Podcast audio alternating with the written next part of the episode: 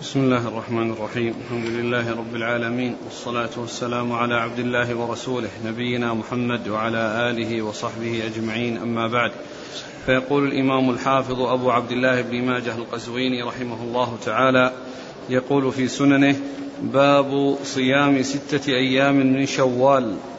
قال حدثنا هشام بن عمار قال حدثنا بقية قال حدثنا صدقة بن خالد قال حدثنا يحيى بن الحارث الذماري قال سمعت أبا, أبا أسماء الرحبي عن ثوبان مولى رسول الله صلى الله عليه وسلم عن رسول الله صلى الله عليه وسلم أنه قال من صام ستة أيام بعد الفطر كان تمام السنة من جاء بالحسنة فله عشر أمثالها.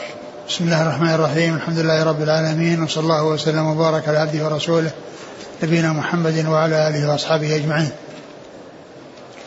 أما بعد فيقول الإمام ابن ماجه رحمه الله باب صيام ستة ستة ستة من شوال.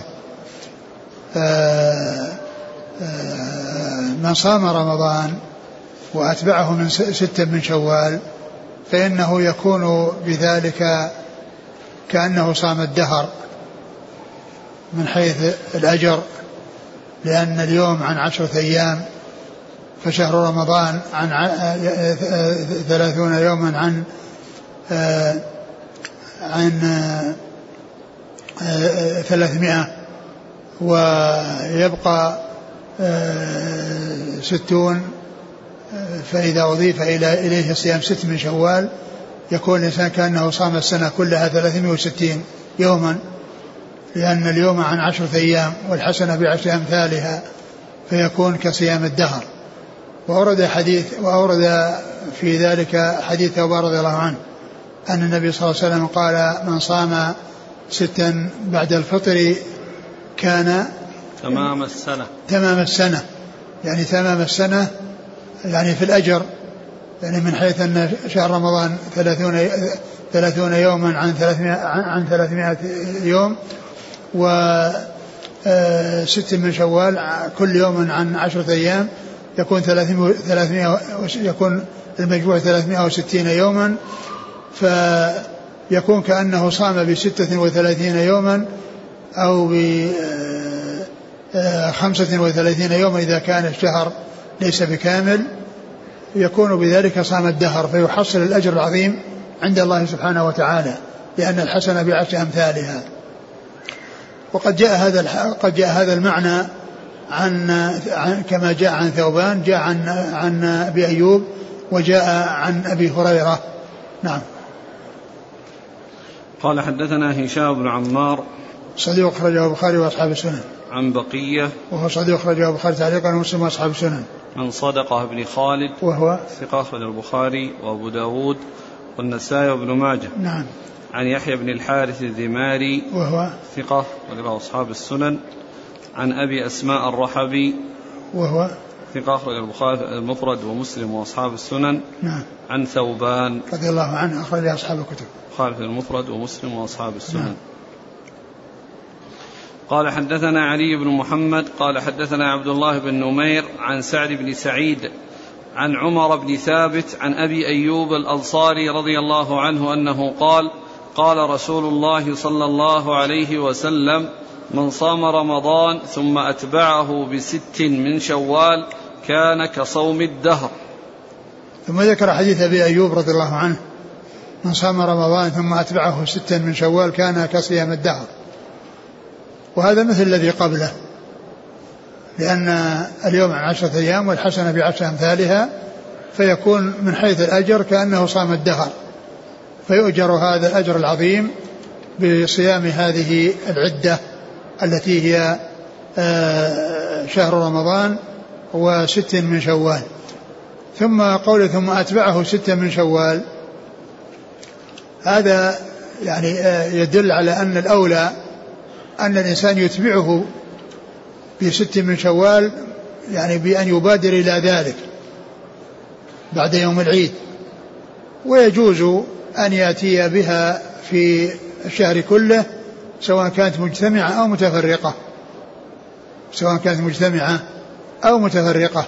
ولكن كون يأتي بها مباشرة ومبادرة هذا هو الأولى لأن فيه المسابقة إلى الخير وفيه عدم آه، التأخير الذي قد يؤدي إلى خروج الشهر دون أن يكون قد صام.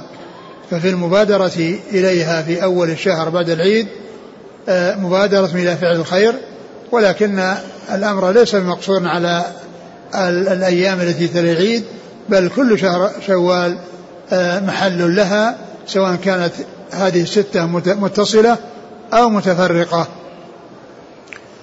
فقوله ثم أتبعه ستة من شوال يعني المبادرة إلى إليها بعد بعد عيد عيد الفطر هو الأولى ولكنه جائز في جميع أيام الشهر اجتماعا أو افتراقا. نعم. قال حدثنا علي بن محمد. آه، هو الطنافسي ثقة أخرجه النسائي في مسند علي وابن ماجه. عن عبد الله بن نمير ثقة أخرج أصحاب الكتب. عن سعد بن سعيد. وهو صدوق أخرج له. البخاري تعليقا ومسلم وأصحاب السنن. نعم. عن عمر بن ثابت. وهو ثقة أخرج له مسلم وأصحاب السنن. نعم. عن أبي أيوب. الأنصاري رضي الله عنه وخالد بن زيد وهو ثقة أخرج أصحاب الكتب وهو صحابي أخرج أصحاب الكتب. يقول السائل المرأة التي أفطرت في رمضان لأجل عذرها فتخاف أن تبدأ بالقضاء فيفوت عليها الست من شوال. ما الحكم؟ أه تبادر بعد الفطر بالقضاء. ثم تأتي بالست من شوال. وإذا بادرت بعد الفطر فإنها تكون بذلك أدت الفرض ثم أدت النفل بعد ذلك. وقوله صلى الله عليه وسلم من صام رمضان ثم أتبعه ستة من شوال هي ما صامت رمضان. هي ما صامت رمضان حتى تأتي بالقضاء. يا رسول قال من صام رمضان وهي لم تصم رمضان. وإنما تصومه إذا أدت ما عليها ثم تأتي بعد ذلك بالنفل. يقول من فاته يوم أو يومين من صيام الست لظروف فهل يمكن أن يلحق ذلك يقضيه في ذي القعدة؟ آه، الرسول صلى الله عليه وسلم قال إنها من شوال. فإن تمكن من أدائها في شوال فإن ذلك مطابقا للحديث وإلا فإنها سنة فات محلها. قال رحمه الله تعالى باب في صيام يوم في سبيل الله. قال حدثنا محمد بن رمح بن المهاجر قال أخبرنا الليث بن سعد عن ابن الهاد عن سهيل بن أبي صالح عن النعمان بن أبي عياش عن أبي سعيد الخدري رضي الله عنه أنه قال قال رسول الله صلى الله عليه وعلى آله وسلم من صام يوما في سبيل الله باعد الله بذلك اليوم النار عن وجهه سبعين خريفا. ثم ذكر آه، صيام يوم في سبيل الله. وسبيل الله يطلق إطلاقين. يطلق يراد به الجهاد في سبيل الله ويطلق يراد به جميع أعمال البر لأنها كلها في سبيل الله. أعمال البر وأعمال الخير هي كلها في سبيل الله. لأنها آه، تفعل من أجل الله وابتغاء وجه الله وابتغاء ثواب الله فسبيل الله يطلق إطلاقين إطلاقا خاصا وإطلاقا عاما.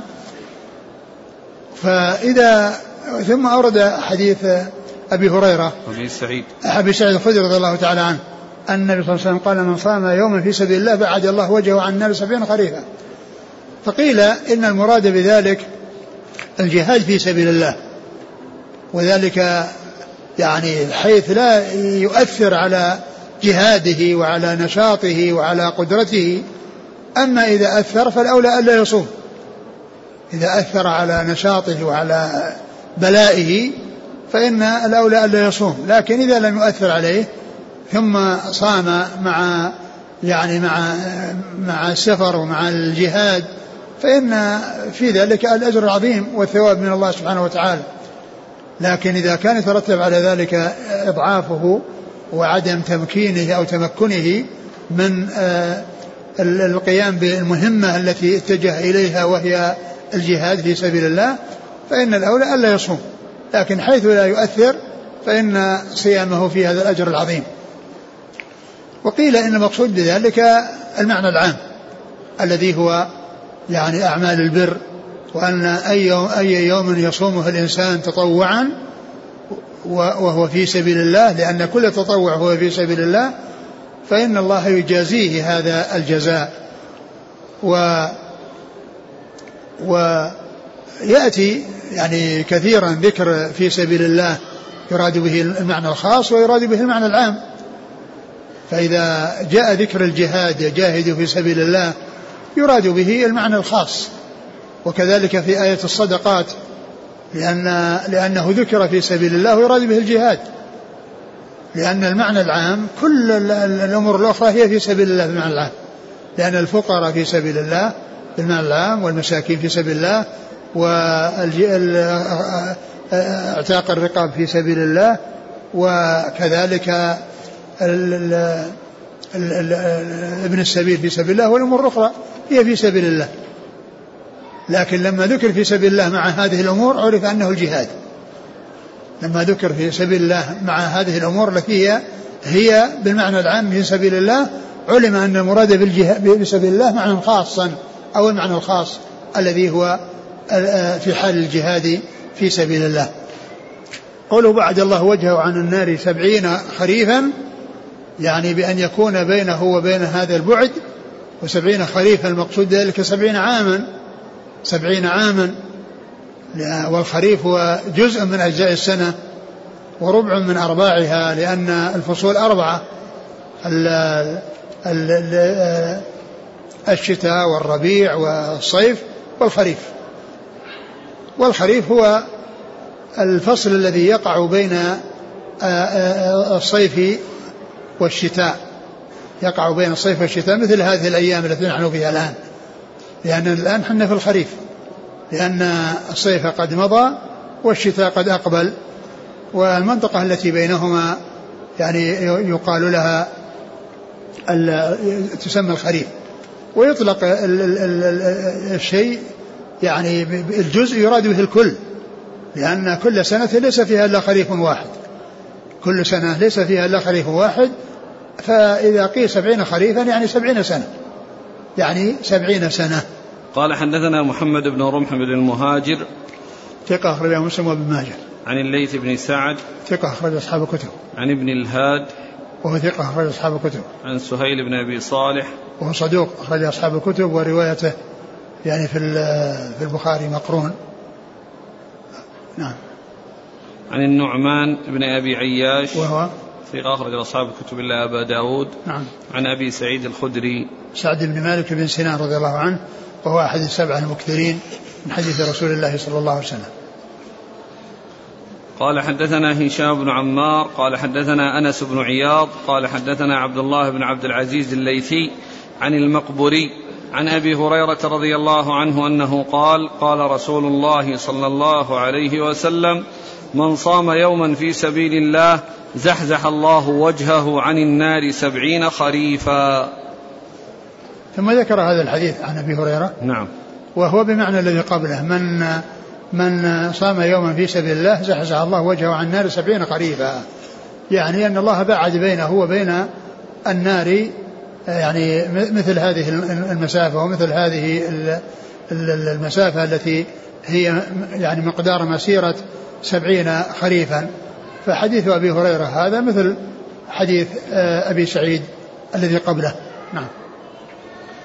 قال حدثنا هشام بن عمار نعم. عن أنس بن عياض هو؟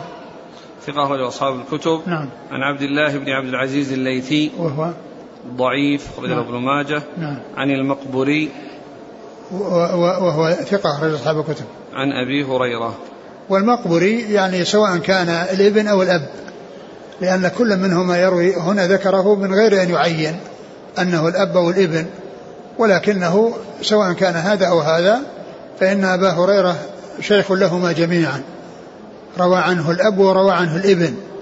ولهذا يأتي أحيانا يعني يروي سعيد بن أبي سعيد عن أبيه عن أبي هريرة وأحيانا يروي هو نفسه مباشرة عن أبي هريرة لأنه آه لأن أبا هريرة رضي الله عنه روى عنه الأب والابن. روى عنه الأب والابن. نعم. تحفة الأشراف سعيد. نعم. في تحفة الأشراف سعيد. سعيد. نعم. قال رحمه الله تعالى باب ما جاء في النهي عن صيام أيام التشريق. قال حدثنا أبو بكر بن أبي شيبة قال حدثنا عبد الرحيم بن سليمان عن محمد بن عمرو عن أبي سلمة عن أبي هريرة رضي الله عنه أنه قال قال رسول الله صلى الله عليه وسلم أيام منى أيام أكل وشرب. ثم ذكر النهي عن صيام أيام التشريق. أيام التشريق هي ثلاثة وهي الحادي عشر والثاني عشر والثالث عشر من شهر ذي الحجة. الثلاثة الأيام التي بعد يوم عيد الإضحى. وهذه الأيام الأربعة التي هي العيد والثلاثة الأيام بعده هي أيام نحر الهدي ونحر الأضاحي. و وأيام التشريق قيل أيام التشريق لأنهم كانوا يشرقون فيها اللحم أي يقطعونه يقطعونه ويعني ويقددونه. و فقيل لها ذلك تشريق من أجل التقطيع. وأورد في هذا الحديث عن النبي عليه الصلاة والسلام أنه قال أيام أيام منى أيام أكل وشرب. أيام أكل وشرب يعني ليست محلا للصيام وإنما هي حل محل الأكل من لحوم الهدي والأضاحي التي آه، شرعت في هذه الأيام. يعني في العيد وأيام التشريق. فإن أيام التشريق لا تصام ولا ولا يجوز صومها إلا لمن كان متمتعا أو قارنا ولم يجد الهدي فإنه يصوم. كما جاء في صحيح البخاري عن عائشة وابن عباس أنهما قال لم يرخص في أيام التشريق أن يصمن إلا لمن لم يجد الهدي. لم يرخص في أيام التشريق أن يصمن إلا لمن لم يجد الهدي.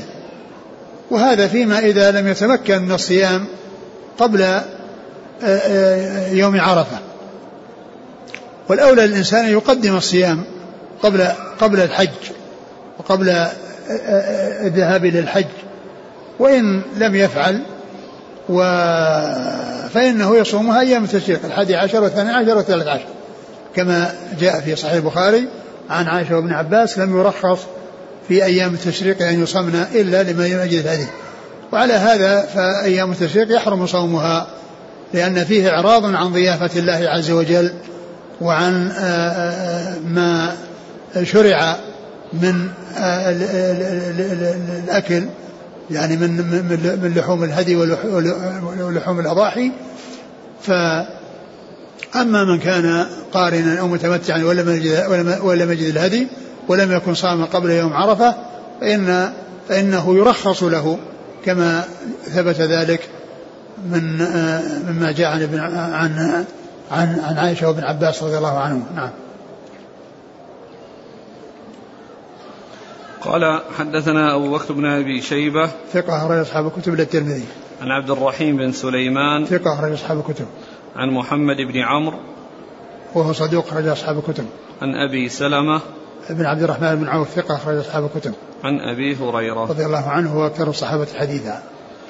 قال حدثنا أبو بكر بن أبي شيبة وعلي بن محمد قال حدثنا وكيع عن سفيان عن حبيب بن أبي ثابت عن نافع بن جبير بن مطعم عن بشر بن سحيم رضي الله عنه أن رسول الله صلى الله عليه وسلم خطب أيام التشريق فقال لا يدخل الجنة إلا نفس مسلمة وإن هذه الأيام أيام أكل وشرب.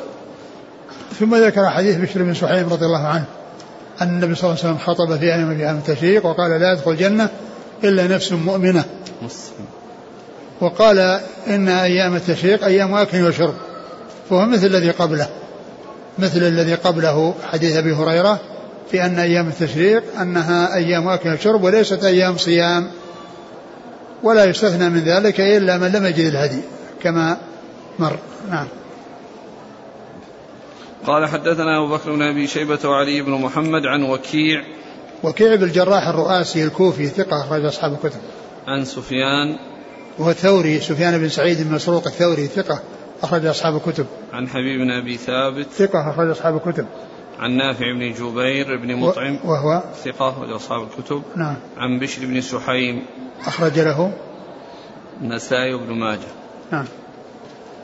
قال رحمه الله تعالى باب في النهي عن صيام يوم الفطر والأضحى. قال حدثنا أبو بكر بن أبي شيبة قال حدثنا يحيى بن يعلى التيمي عن عبد الملك بن عمير عن قزعة عن أبي سعيد رضي الله عنه عن رسول الله صلى الله عليه وسلم أنه نهى عن صوم يوم الفطر ويوم الأضحى. ثم ذكر النهي عن صوم يوم عيد الأضحى وعيد الفطر وهما عيد المسلمين وقد حرم صيامهما فأحدهما ليوم فطرهم من صيامهم وهو أول يوم من شوال وأول أيام الحج والثاني يوم آه، نحرهم وهو الإضحى الذي يأكلون فيه من, من, من الهدي من لحوم الهدي ولحوم الأضاحي. فحرم صوم هذين اليومين حرم صوم يوم هذين اليومين آه، وهما عيد المسلمين في السنة عيد عيد الفطر وعيد الأضحى فصومهما حرام بإجماع العلماء ولا يصومها بحال من الأحوال. ولو نذر أن يصومهما فإن ذلك نذر معصية لا يجوز الوفاء به. نعم. قال حدثنا أبو بكر بن أبي شيبة عن يحيى بن يعلى التيمي. وهو ثقة أخرجه مسلم والترمذي والنسائي بن ماجه. نعم. عن عبد الملك بن عمير. وهو ثقة أخرج أصحاب الكتب. نعم. عن قزعة. وهو ثقة أخرج أصحاب الكتب. نعم. عن أبي سعيد. نعم. قال حدثنا سهل بن أبي سهل. قال حدثنا سفيان عن الزهري عن أبي عبيد قال شهدت العيد مع عمر بن الخطاب رضي الله عنه فبدأ بالصلاة قبل الخطبة فقال إن رسول الله صلى الله عليه وسلم نهى عن صيام هذين اليومين يوم الفطر ويوم الأضحى أما يوم الفطر فيوم فطركم من صيامكم ويوم الأضحى تأكلون فيه من لحم من لحم من لحم نسككم. ثم ذكر حديث عمر بن الخطاب رضي الله تعالى عنهما رضي الله عنه أنه خطب الناس وقال قال بدأ بالصلاة قبل الخطبة. أنه يعني شهد شهد معه أبو عبيد مولى بن أزهر قال شهدت عيد مع عمر بن الخطاب يعني عيد أضحى أو فطر. فبدأ بالصلاة قبل الخطبة. وهذا يدلنا على أن الصلاة تقدم على الخطبة. كما يعني آه، جاءت بذلك السنة عن رسول الله عليه الصلاة والسلام.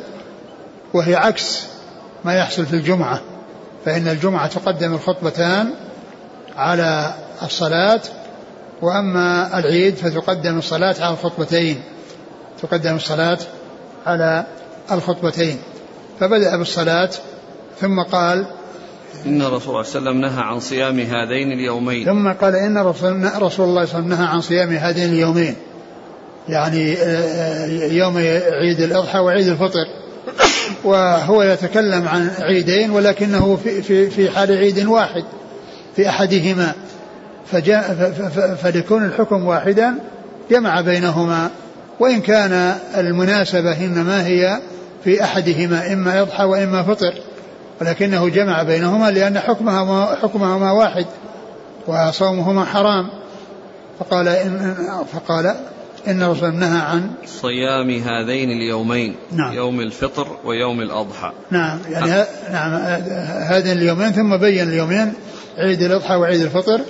قال أما يوم الفطر فيوم صومكم فيوم فطركم من صيامكم. نعم.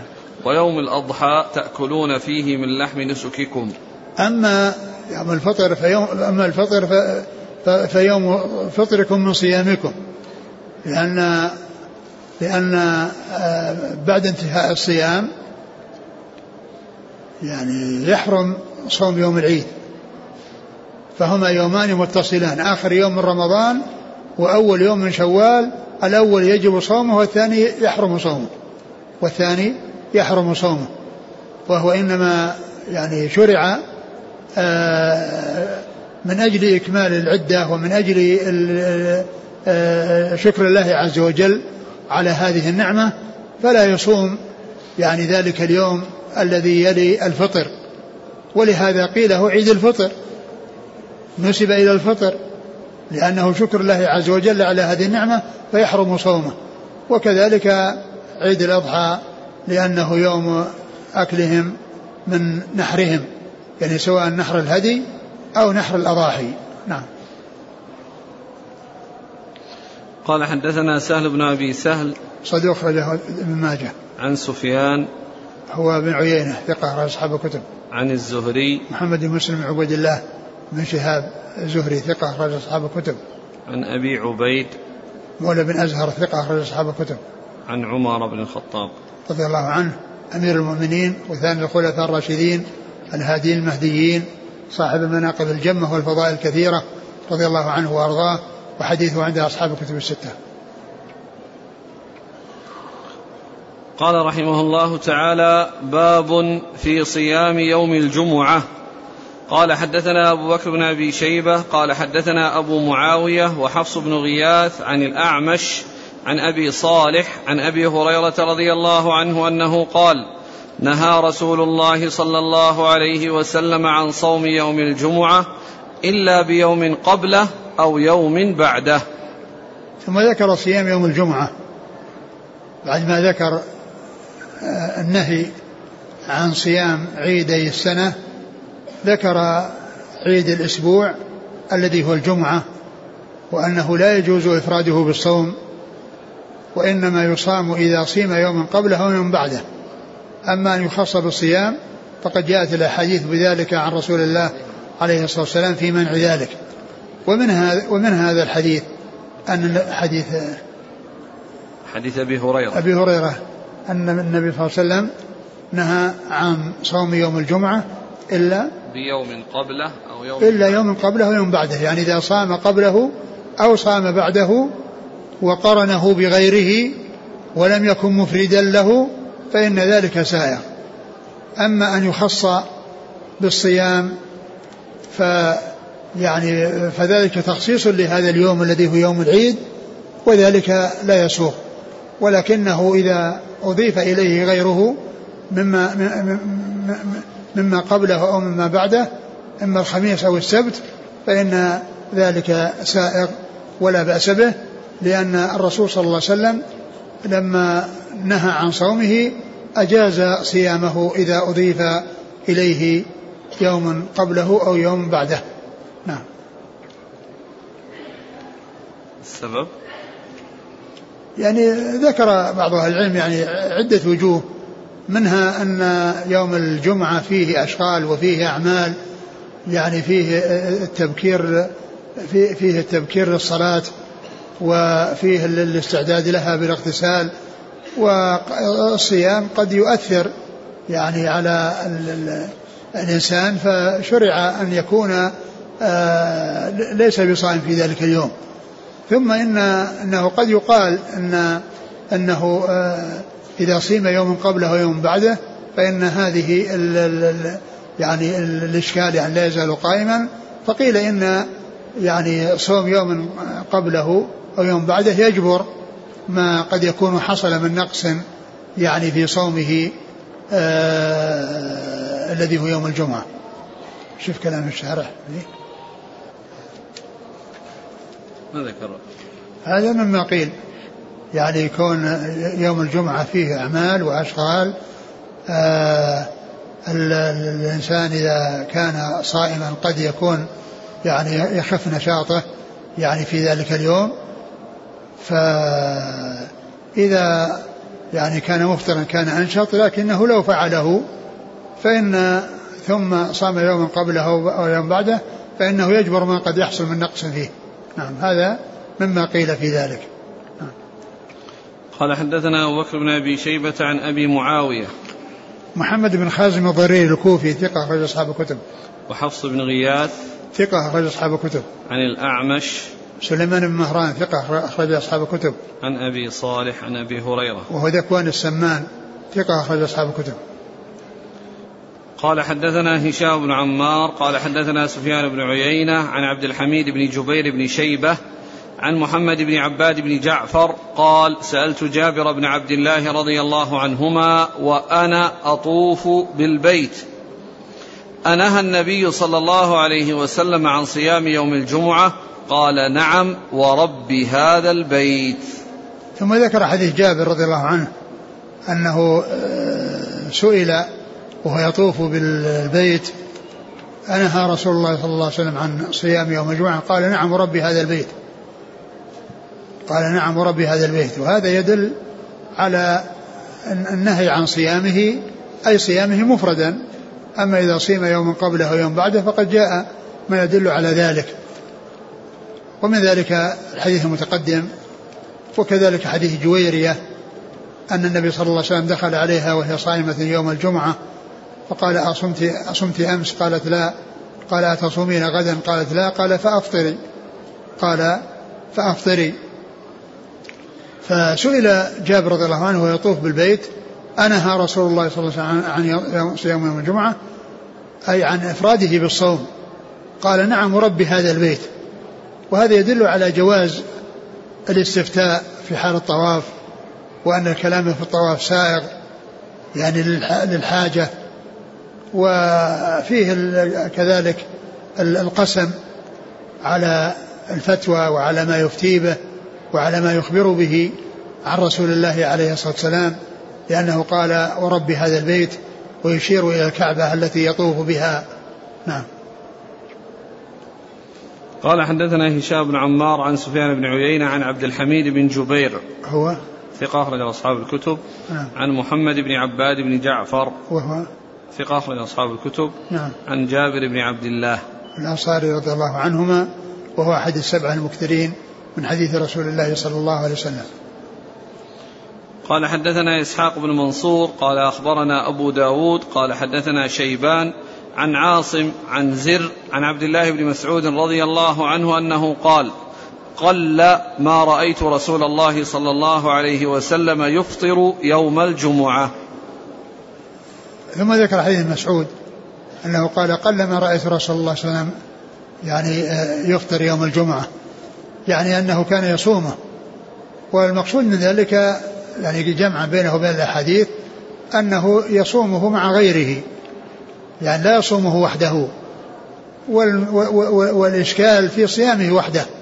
وأما إذا صيم ومعه غيره فإن ذلك لا بأس به. كما جاء في نفس الأحاديث التي نهت عن إفراد الجمعة بالصوم لأنه جاء فيها إلا يوم قبله إلا إذا صيم ومعه يوم قبله أو يوم بعده. نعم. قال حدثنا إسحاق بن منصور هو الكوسج وهو ثقة أخرج أصحاب الكتب إلا أبا داود. عن أبي داود. وهو الطيالسي سليمان بن داود ثقة أخرجه البخاري تعليقا ومسلم وأصحاب السنن. عن شيبان. وهو ابن عبد الرحمن ثقة أخرج أصحاب الكتب. عن عاصم. وهو ابن بهدلة وهو ابن أبي النجود صدوق أخرج له أصحاب الكتب وروايته الصحيحين مقرون. عن زر. زر بن حبيش وهو ثقة مخضرم أخرج له أصحاب الكتب. عن عبد الله بن مسعود. رضي الله تعالى عنه وحديثه أخرجه أصحاب الكتب الستة. هذا النهي عن الإفراد في النافلة. فلو أن كما يقول السائل امرأة عليها قضاء يوم من رمضان فقضته في يوم جمعة. لا بأس بذلك. يعني إذا كانت أنها لا لا تستطيع أو لا تتمكن إلا يعني في يعني في ذلك اليوم ما في بأس. من يصوم يوم الجمعة وقبله يوم الخميس طوال السنة. ما نعلم شيء يمنعه إذا صادف لكن لكن كونه يعني يكون الصيام للاثنين والخميس هو الأولى.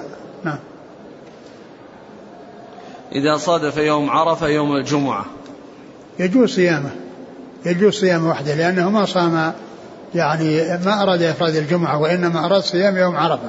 لكنه إذا كان صام العشر صام الأيام الثمانية التي قبله وهي التسع من ذي الحجة التي آخر التي آخرها يوم عرفة وأفضلها يوم عرفة فلا شك أن ذلك أولى. لكنه إن يعني صامه يعني وافق يوم الجمعة فله أن يصوم يصوم لأنه ما ما أراد إفراد الجمعة وإنما أراد صيام عرفة نعم.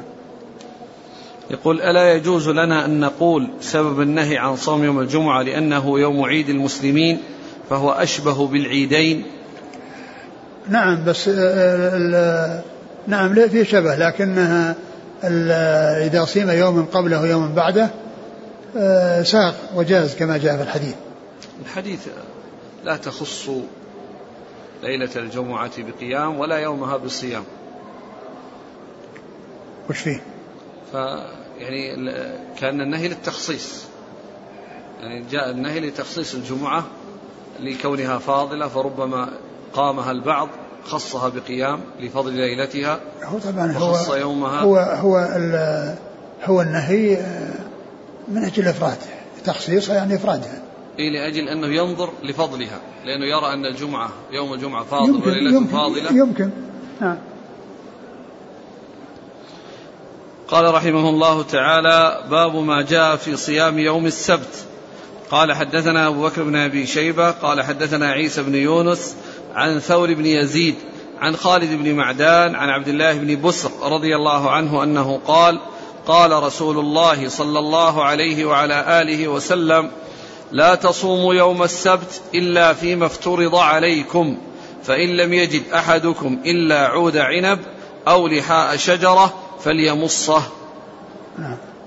قال حدثنا حميد بن مسعدة قال حدثنا سفيان بن حبيب عن ثور بن يزيد عن خالد بن معدان عن عبد الله بن بسر عن أخته رضي الله عنهما أنها قالت قال رسول الله صلى الله عليه وسلم فذكر نحوه. ثم ذكر في قال باب. أن في صيام يوم السبت. باب في صيام يوم السبت. وأورد في حديث عبد الله بن بشر وأخته أن النبي صلى الله عليه وسلم قال نهى عن عن عن صوم يوم السبت وقال قال إلا ما افترض عليكم ولو ولو أن ولو أن يجد. فإن لم يجد أحدكم إلا عودا. يعني فإن لم يجد أحدكم يعني شيئا يعني يعني يفطر به أو يعني يجعله يأكل بحيث لا يكون صائما في ذلك اليوم إلا لحية أو لحاء إلا عود عنب. إلا عود عنب أو, أو لحاء شجرة. إلا عود عنب أو لحاء شجرة فليفعل. يعني بحيث أنه يمصه بحيث يعني يكون مفطرا لا صائما. يعني في ذلك اليوم. ويوم السبت اختلف يعني في آه، صيامه. من من العلماء من أجازه وقال إن أن, أن, أن الأصل أن الأيام كلها يعني تصام ولا يصار إلا ما جاء فيه منع وجاء أحاديث تدل على صيامه فيكون آه، فيكون صومه جائزا. ومنهم من منعه يعني مطلقا. ومنهم من أجازه إذا أضيف إليه غيره ومنعه إذا أتي به وحده كما كما قيل في الجمعة أو كما جاء في الجمعة. ويوم الجمعة عيد المسلمين ويوم السبت عيد اليهود و والمقصود يعني من النهي يعني إذا إذا إذا كان ثبت وكان محفوظا أن يعظم يعني ذلك اليوم الذي هو عيد اليهود بصيامه أن لا يعظم بصيامه وأن يخص بالصيام لتعظيمه. ولكنه إذا صيم يوم قبله أو يوم بعده فإن المحذور هو أن يصام وحده. وبعض العلم يجيز ذلك سواء كان يعني آه، أفرده أو أضاف إليه غيره. والحافظ بن حجر في فتح الباري ذكر أحاديث تدل على صيامه وقال إنه ألف في ذلك رسالة سماها القول الثبت في صيام يوم السبت. وكلامه ما أورده في ذلك يشعر بأنه يرى أنه يجوز صومه يجوز صومه مطلقا. لكن بعض أهل العلم آه، فصل بين أن يخص ويحمل هذا الحديث عليه وبين أن يضاف إليه غيره. ويكون سائغا كما كان في الجمعة ويدل لذلك الحديث الذي في البخاري أن النبي صلى الله عليه وسلم دخل على جويرية وهي صائمة يوم الجمعة فقال لها أصمت أمس يعني الخميس؟ قالت لا. قال أتصومين غدا؟ يعني السبت؟ قالت لا. قال فأفطري.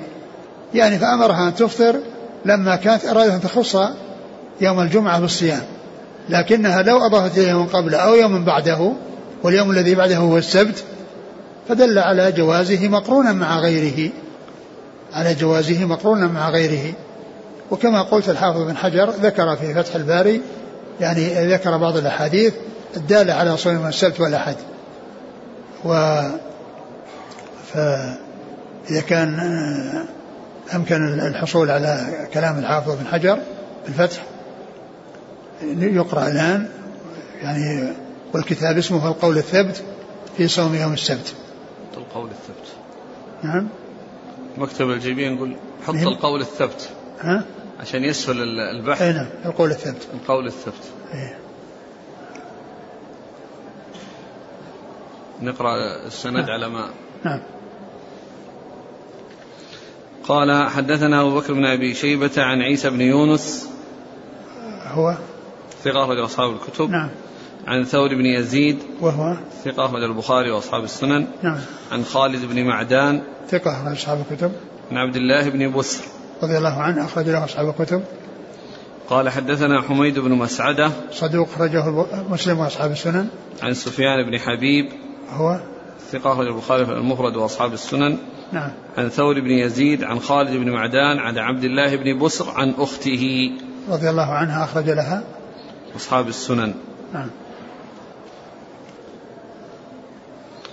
يقول من استدل بقوله فإن لم يجد أحدكم إلا عود عنب أو لحاء شجرة فليمصه. أن فيه أن من مص عود السواك يفطر يعني وهو صائم.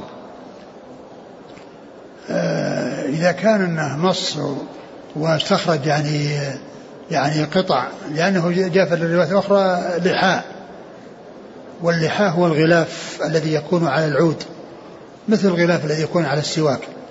فإذا يعني استخرج حباته وبلعها فإنه يكون ذلك مفطر.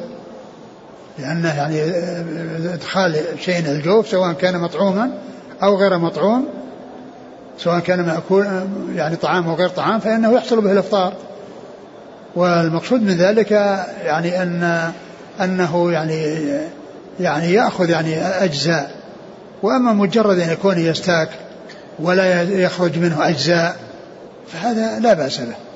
ولكنه جاء يعني لحي واللحي هو الغلاف الذي يكون على العود. نعم نقرأ. وذكر الكلام في بيان المخالفة لأهل الكتاب. نعم.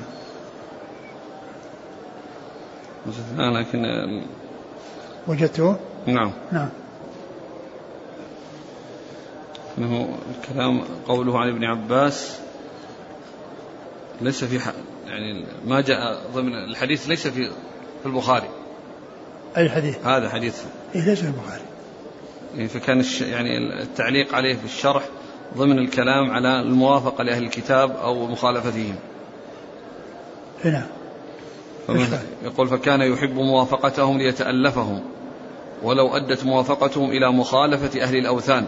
فلما أسلم أهل الأوثان الذين معه والذين حوله واستمر أهل الكتاب على كفرهم تمحضت المخالفة لأهل الكتاب. قوله ثم فرق يتكلم عن الفرق في الشعر. نعم. ثم فرق بعد في رواية معمر ثم أمر بالفرق ففرق وكان الفرق آخر الأمرين ومما يشبه الفرق والسدل صبغ الشعر وتركه كما تقدم ومنها صوم عاشوراء ثم أمر بنوع مخالفة لهم فيه بصوم يوم قبله أو بعده. ومنها استقبال القبله ومخالفتهم في مخالطة الحائض. حتى قالوا اصنعوا كل شيء إلا الجماع. فقالوا ما يدع من أمرنا شيئا إلا خالفنا فيه. وقد تقدم بيانه في كتاب الحيض. وهذا الذي استقر عليه الأمر ومنها ما يظهر لي النهي عن صوم يوم السبت. وقد جاء ذلك من طرق متعددة في النساء ومنها, ومنها ما يظهر لي. نعم. ومنها ما يظهر لي النهي عن صوم يوم السبت.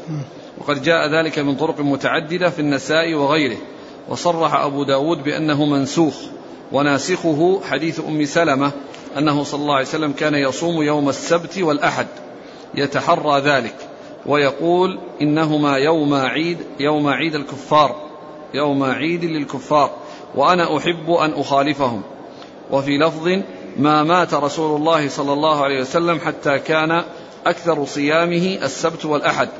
أخرجه أحمد والنسائي وأشار بقوله يوم عيد إلى أن يوم السبت عيد عند اليهود والأحد عيد عند النصارى وأيام العيد لا تصام فخالفهم بصيامها. ويستفاد من هذا أن الذي قاله بعض الشافعية من كراهة إفراد السبت وكذا الأحد ليس ليس جيدا بل الأولى في المحافظة على ذلك يوم الجمعة. كما ورد الحديث الصحيح فيه وأما السبت والأحد فالأولى أن يصاما معا وفرادا امتثالا لعموم الأمر بمخالفة أهل الكتاب. قال عياض سدل الشعر إرساله يقال انتقل إلى وين القول الثالث. بعد ذلك قال لما ذكر المخالفة أنه جمعها. يعني كلامه يشعر بأنه يعني يرى أنه يصام السبت والأحد. ثم قال هنا قال لأنهم أصحاب شرع بخلاف عبدة الأوثان فإنهم ليسوا على شريعة. فلما أسلم المشركون انحصرت المخالفة في أهل الكتاب فأمر بمخالفتهم وقد جمعت المسائل التي وردت الأحاديث فيها بمخالفة أهل الكتاب فزادت على الثلاثين حكما. وقد أودعتها كتابي الذي سميته القول الثبت في الصوم, في الصوم يوم السبت. ثم قال ويؤخذ من قول ابن عباس موافقة رجع إلى كلام الموافقة لأهل الكتاب أو مخالفتهم أيه. نعم. نقرأ. لا بس الكلام الأول ذاك اللي راح اللي قال اللي قال الأولى يشتري يعني كأنه ذهب ما ذهب إليه أبو داود بأنه منسوخ. نعم. كان في أول الأمر ثم نسخ. نعم. والاحاديث ثم قال وهذا أولى؟ إيش؟ بعد النسخ إيش قال؟ قال بأن وناسخ حديث أم سلمة أنه صلى الله عليه وسلم كان يصوم يوم السبت والأحد يتحرى ذلك ويقول إنهما يوم عيد للكفار وأنا أحب أن أخالفهم وفي لفظ ما مات رسول الله صلى الله عليه وسلم حتى كان أكثر صيامه السبت والأحد أخرجه أحمد والنسائي وأشار بقوله يوم عيد إلى أن يوم السبت عيد عند اليهود والأحد عيد عند النصارى وأيام العيد لا تصام فخالفهم بصيامها. ويستفاد من هذا أن الذي قاله بعض الشافعية من كراهة إفراد السبت وكذا الأحد ليس جيدا بل الأولى في ذلك المحافظة. على ذلك يوم الجمعة كما وردت كما ورد الحديث. بل الأولى في ذلك في المحافظة. بل الأولى فيه المحافظة على ذلك. قال ثم قال يوم يوم الجمعة كما ورد الحديث الصحيح فيه. كلام كأنه فيه. بعده وأما السبت والأحد فالأولى أن يصام معا وفرادا نعم. امتثالا لعموم الأمر بمخالفة أهل الكتاب. هذا هو. هذا هذا رأي الحافظ. نعم. لكن يعني بعض أهل العلم جمع بين يعني حديث النهي و يعني وحديث جويرية بأن النهي إذا كان إفرادا والجواز إذا كان معه غيره. نعم. قال رحمه الله تعالى باب صيام العشر. قال حدثنا علي بن محمد قال حدثنا أبو معاوية عن الأعمش عن مسلم البطين. عن سعيد بن جبير عن ابن عباس رضي الله عنهما أنه قال قال رسول الله صلى الله عليه وسلم ما من أيام العمل الصالح فيها أحب إلى الله من هذه الأيام يعني العشر. قالوا يا رسول الله ولا الجهاد في سبيل ولا الجهاد في سبيل الله؟ قال ولا الجهاد في سبيل الله إلا رجل خرج بنفسه وماله فلم يرجع من ذلك بشيء. ثم ذكر صيام صيام عشر صيام صيام العشر. صيام العشر أي عشر ذي الحجة. والمقصود من ذلك التسعة لأن العاشر هو يوم العيد وصومه محرم ولكنه أطلق عليها تغليبا العشر وإلا فإنها تسع في الحقيقة وآخرها يوم عرفة الذي هو أفضل يوم يصام تطوعا. وقد جاء في الحديث أنه يكفر السنة الماضية والسنة الآتية. فهو أفضل يوم يصام تطوعا. آه ثم ذكر آه حديث آه ابن عباس. نعم. رضي الله عنهما قال ما من أيام العمل الصالح فيها أحب إلى الله من منه في هذه الأيام العشر؟ قالوا ولا الجهاد في سبيل الله. قال ولا الجهاد في سبيل الله إلا رجل خرج بنفسه وماله ثم لم يرجع من ذلك بشيء. فقوله ما من أيام العمل الصالح هذا يدل على أن الأعمال الصالحة كلها فاضلة في هذه الأيام ويدخل فيها الصوم لأنه من جملة الأعمال الصالحة.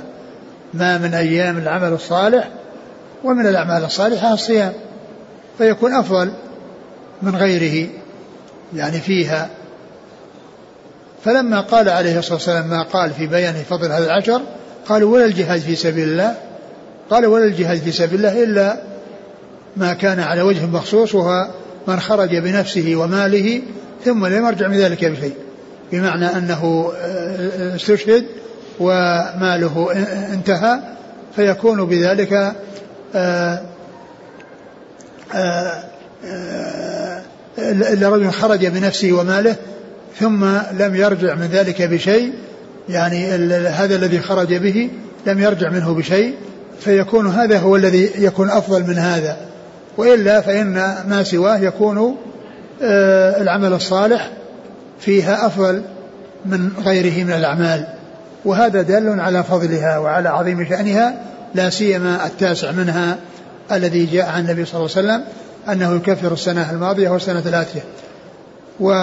ولهذا قال بعض أهل العلم أن المقارنة والمفاضلة بين عشر ذي الحجة والعشر الأواخر من رمضان قال قالوا أن الذي يعني يوفق بين النصوص وبين ما جاء في عشر ذي الحجة والعشر الأواخر من رمضان أن أنه أن أن أن عشر الحجة أفضل باعتبار الأيام لأن فيها يوم عرفة. والعشر الأواخر من رمضان الليالي أفضل لأن فيها ليلة القدر. فتكون الليالي في العشر الأواخر من رمضان أفضل لأن فيها ليلة القدر. وتكون الأيام في عشر الحجة أفضل من غيرها لأن فيها يوم عرفة. قال حدثنا علي بن محمد عن أبي معاوية عن الأعمش عن مسلم البطين. ثقة أخرج أصحاب الكتب. عن سعيد بن جبير. ثقة أخرج أصحاب الكتب. عن ابن عباس. نعم.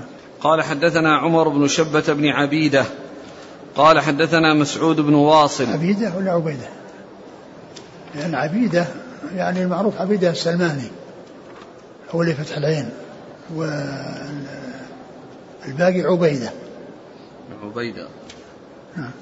عمر بن شبة بن عبيدة قال حدثنا مسعود بن واصل عن النهاس بن قهم عن قتادة عن سعيد بن المسيب عن أبي هريرة رضي الله عنه أنه قال قال رسول الله صلى الله عليه وسلم ما من أيام الدنيا أيام أحب إلى الله سبحانه أن يتعبد له فيها من أيام العشر وإن صيام يوم فيها ليعدل صيام سنة وليلة فيها بليلة القدر. ثم ذكر هذا الحديث والجزء الأول منه مطابق للحديث الثاني أو يوافق الحديث الأول. وأما الزيادة التي فيه وهي أن صيام يوم فيها يعدل صوم سنة و وليلة وقيام. وليلة فيها بليلة القدر. وليلة فيها بليلة القدر. يعني هذا جاء في هذه الطريق والإسناد ضعيف فيه من هو ضعيف فليس بصحيح. وأما الجملة الأولى فيشهد لها الحديث السابق. وأما هذا التفضيل الذي فيه أن اليوم عن عن يعني عن ألف يوم؟ لا صوم يوم بيعدل صيام سنة. عن صيام سنة. وليلة عن ليلة القدر. يعني هذا الذي ورد في بهذا الطريق وفيه وفيه من هو ضعيف فلا يكون ذلك ثابتا. وأما الجزء الأول فإنه يشهد له الحديث السابق. نعم.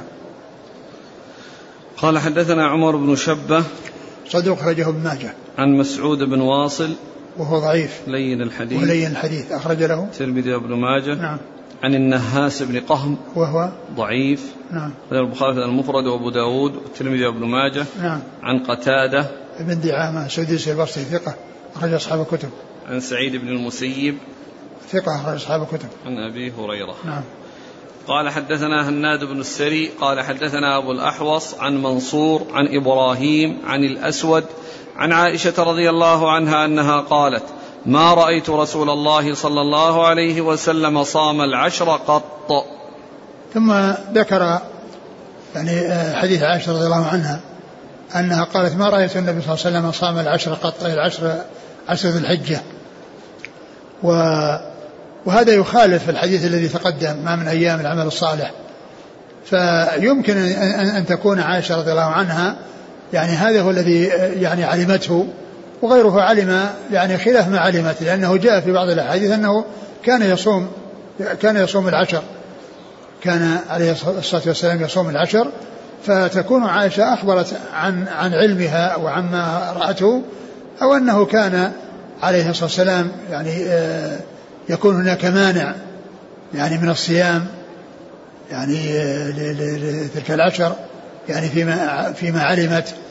والحاصل أن آه، الحديث في صيام العشر ثابت بهذا الحديث العام الذي هو حديث ابن عباس وأيضا كذلك فيما جاء عنه أنه كان يصوم العشر جاء من غير عن عن غير عائشة. نعم. قال حدثنا هناد بن السري. ثقة أخرج أصحاب البخاري في خلق أفعال عباده ومسلم وأصحاب السنن. عن أبي الأحوص. سلام بن سليم الحنفي ثقة أخرج أصحاب الكتب. عن منصور وهو ابن معتمر ثقة أخرج أصحاب الكتب. عن إبراهيم بن يزيد بن قيس النخعي ثقة أخرج أصحاب الكتب. عن الأسود وهو ثقة أخرج أصحاب الكتب. عن عائشة أم المؤمنين رضي الله عنها وأرضاها الصديقة بن الصديق وهي من أكثر رواية عن رسول الله صلى الله عليه وسلم قال رحمه الله تعالى باب صيام يوم عرفة والله, والله تعالى أعلم وصلى الله وسلم وبارك على نبينا محمد وعلى آله وأصحابه أجمعين.